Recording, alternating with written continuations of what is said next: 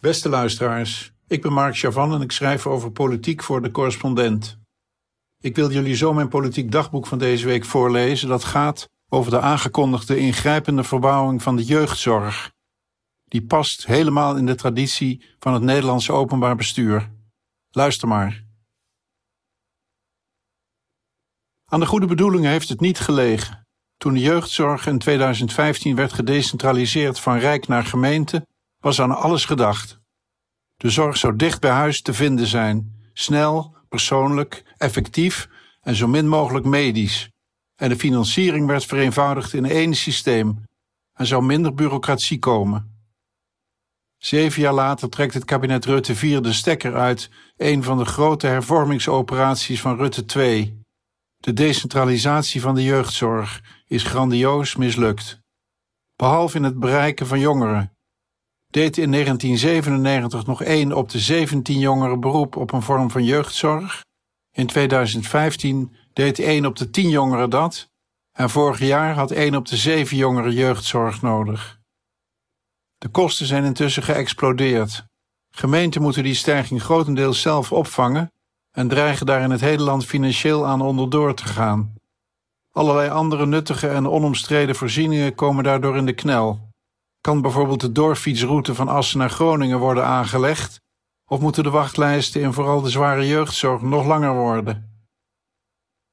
De staatssecretaris verantwoordelijk voor jeugdzorg, Maarten van Ooyen, beschreef samen met zijn collega voor rechtsbescherming Frank Weerwind vorige week in nauwelijks bedekte Haagse termen hoe alle mooie ambities zijn verzand.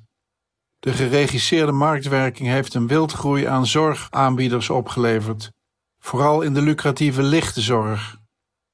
Jongeren met een acute behoefte aan ingewikkelde zware zorg laten zij over aan grote, meestal overvraagde GGZ-instellingen die dreigen te bezwijken onder personeelsgebrek en administratieve rompslomp. In sommige gespecialiseerde instellingen is men aan alle aanbestedingen en verantwoordingsvormen 40% van de tijd kwijt.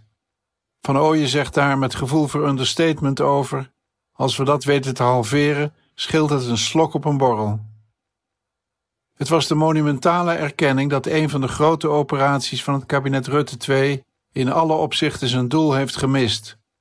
Er zijn meer jonge mensen dan ooit die wachten op of afhankelijk zijn van zorg. De kosten zijn sinds 2015 met maar liefst 55% gestegen tot 5,6 miljard per jaar. Bovendien werd de belofte van meer gemeentelijke autonomie gebroken. Hun begrotingen werden ontwricht en de nog steeds strakke regulering door Den Haag sloeg de hoop op een meer lokale invulling van de zorgverlening de bodem in. Gemeenteraadsleden visten steeds meer achter het net, terwijl hun wethouders noodgedwongen samenwerking met omliggende gemeentes zochten, zonder dat daar in regionaal verband verantwoording over afgelegd kon worden. Destijds was de wat blijmoedige, maar in wezen vilijne verwachting dat beter en goedkoper samen konden gaan. Er zat een mensen- achter, die ook ten grondslag ligt aan wetten als de participatiewet. De bedoeling is mensen aan te spreken op hun eigen kracht en die van hun familie- en buurtnetwerk. De Wetenschappelijke Raad voor het Regeringsbeleid wees er in 2017 al op dat heel wat mensen die in aanmerking komen voor vormen van ondersteuning nu juist niet over het doenvermogen beschikken om zichzelf te redden of tijdig hulp aan te vragen. Maar de trein denderde door. Waarschuwingen werden in de wind geslagen. Al sinds de jaren zeventig van de vorige eeuw is gesleuteld aan de beste manieren om jongeren en gezinnen waarin zij opgroeien hulp te bieden. Daarbij werd in steeds grotere systemen gedacht, met de opdracht maatwerk te leveren. Het kabinet Balkenende IV zette de transitie van de jeugdzorg naar de gemeente al op de agenda. De decentralisatie van 2015 was de uitkomst van al die ingrijpende plannen. En al vanaf het begin werd gewaarschuwd dat de mooie bedoelingen, gecombineerd met kostenbesparingen, wel eens verloren zouden kunnen gaan. Lost in transition. De ramp die de jeugdzorg sindsdien heeft getroffen, is een product van de illusie van almacht, van bureaucratisch beheersbare zorgverlening aan mensen in familie- en levensnood, die bovendien fataal werd verweven met onvoldoende doordachte hang naar bedrijfsmatig denken over marktwerking en kostenbeheersing. Het gevolg is dat steeds meer psychologen, psychiaters en andere hulpverleners zich gemangeld voelen en overwegen te stoppen. Zij kunnen niet de diagnose stellen en de behandeling uitvoeren die in hun ogen ieder mens verdient. Niet altijd adequaat opgeleide gemeenteambtenaren voelen zich gedwongen jongeren uit de duurdere zorg te weren.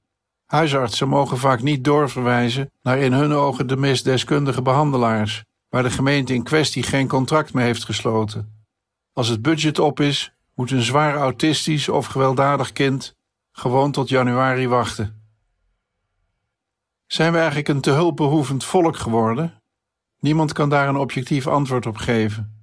Feit is dat steeds meer gezinnen en jongeren hulp zoeken bij vragen of acute situaties waarin ze zich geen raad weten, en dat zij voor met tekorten dichtgeplakte loketten komen te staan.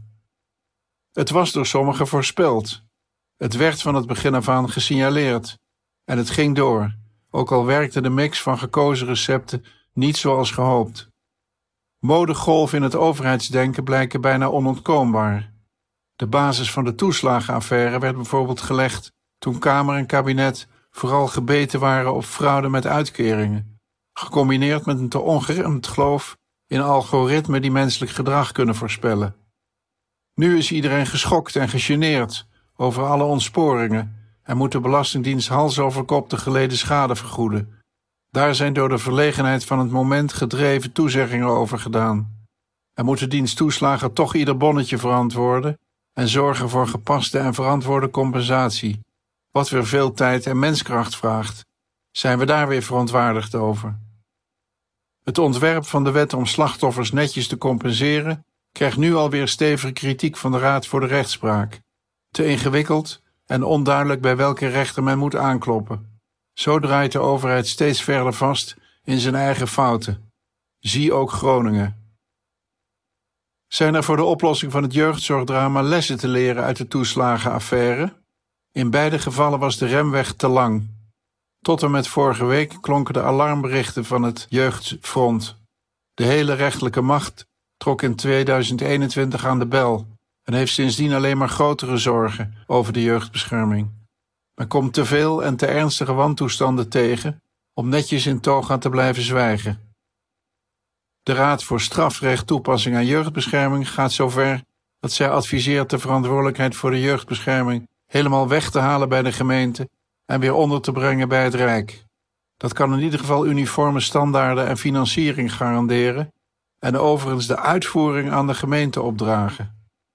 Ook de nationale ombudsman heeft keer op keer gewaarschuwd dat de overheid niet thuisgeeft als burgers hulp nodig hebben. In zijn jaarverslag 2021, dat net uitkwam, stelt hij dat het vaak beloofde maatwerk, dat alle complexe problemen moet oplossen, geen oplossing voor slecht beleid is. Die kunnen de verantwoordelijken voor de jeugdzorg in een zak steken. Een onderzoek van het platform Follow the Money beschrijft hoe ook de gemeentes hun nieuwe rol niet hebben kunnen waarmaken, door een gebrek aan deskundigheid, geld en samenwerking. En nu staat weer een complete verbouwing van de jeugdzorg te wachten. Staatssecretaris Van Ooyen en minister Weerwind schreven vorige week aan de Kamer een brief van 31 kantjes met negen bijlages, een hervormingsagenda en dat alles bij elkaar gehouden door vijf nieuwe leidende principes. Het is een schoolvoorbeeld van het Nederlandse openbaar bestuur. Stel een terrein van overheidsbeleid heeft problemen, daar wordt over geklaagd. Reportages in dagbladen beschrijven de knelpunten in de praktijk. Officiële rapporten persen die in de werkelijkheid van het beleid. Daar wordt na een jaar een bezorgd Kamerdebat over gevoerd en de bewindspersoon belooft een brief of een nota als het heel erg is. Daar wordt naar verwezen als intussen in de media blijkt dat de zaak echt uit de hand is gelopen. Tegen dat alle betrokkenen in de touwen hangen en geen nieuwe woorden kunnen vinden om uit te leggen dat het systeem hen dagelijks dwingt door idiote hoepels te springen, komt er een jonge bewindspersoon die erkent dat het zo niet langer kan. André Ravoet was ook heel veelbelovend toen hij de Centra voor Jeugd en Gezin oprichtte. De optimistische bewindspersoon van dienst presenteert een vrijwel compleet vernieuwd systeem dat alle mankementen van het vorige oplost en de burger als een verloren zoon CQ-dochter omhelst. Oh ja, en een half miljard bezuinigd, want alles wordt veel kleinschaliger en dus effectiever.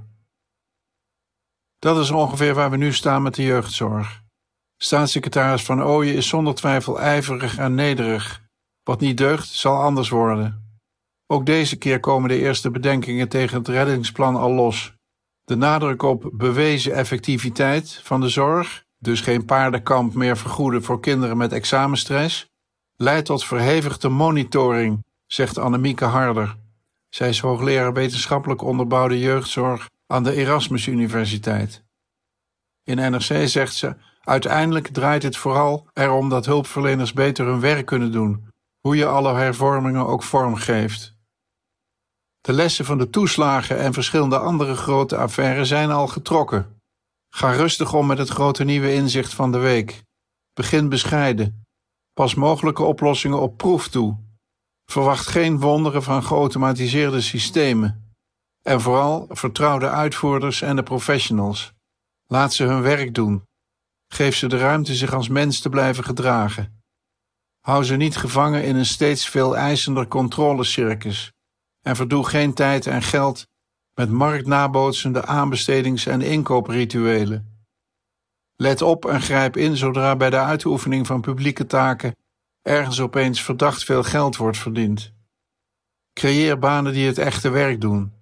Bezuinig op organisaties die praten over het werk en zich er tegenaan bemoeien. En sluit de meeste drie-letteren-organisaties. Ja, en dan te bedenken dat de jeugdzorg nog maar een deel is van de gezondheidszorg als geheel, waar het uitwieden van het management-modedenken nog bijna moet beginnen.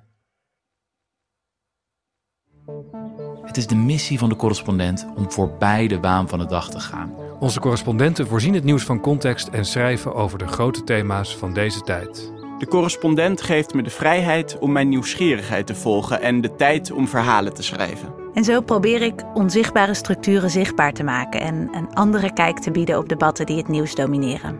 Dan gaat het minder over het spelletje en veel meer over wat er op het spel staat. Vanaf dag 1 zijn onze artikelen, boeken en podcasts gefinancierd door onze leden. Volg ons op onze journalistieke zoektocht. Overweeg eens lid te worden van de correspondent. En maak daarmee samen met ruim 70.000 anderen onze onafhankelijke journalistiek mogelijk. Dus word lid van de correspondent. Ja. Word lid. Word lid.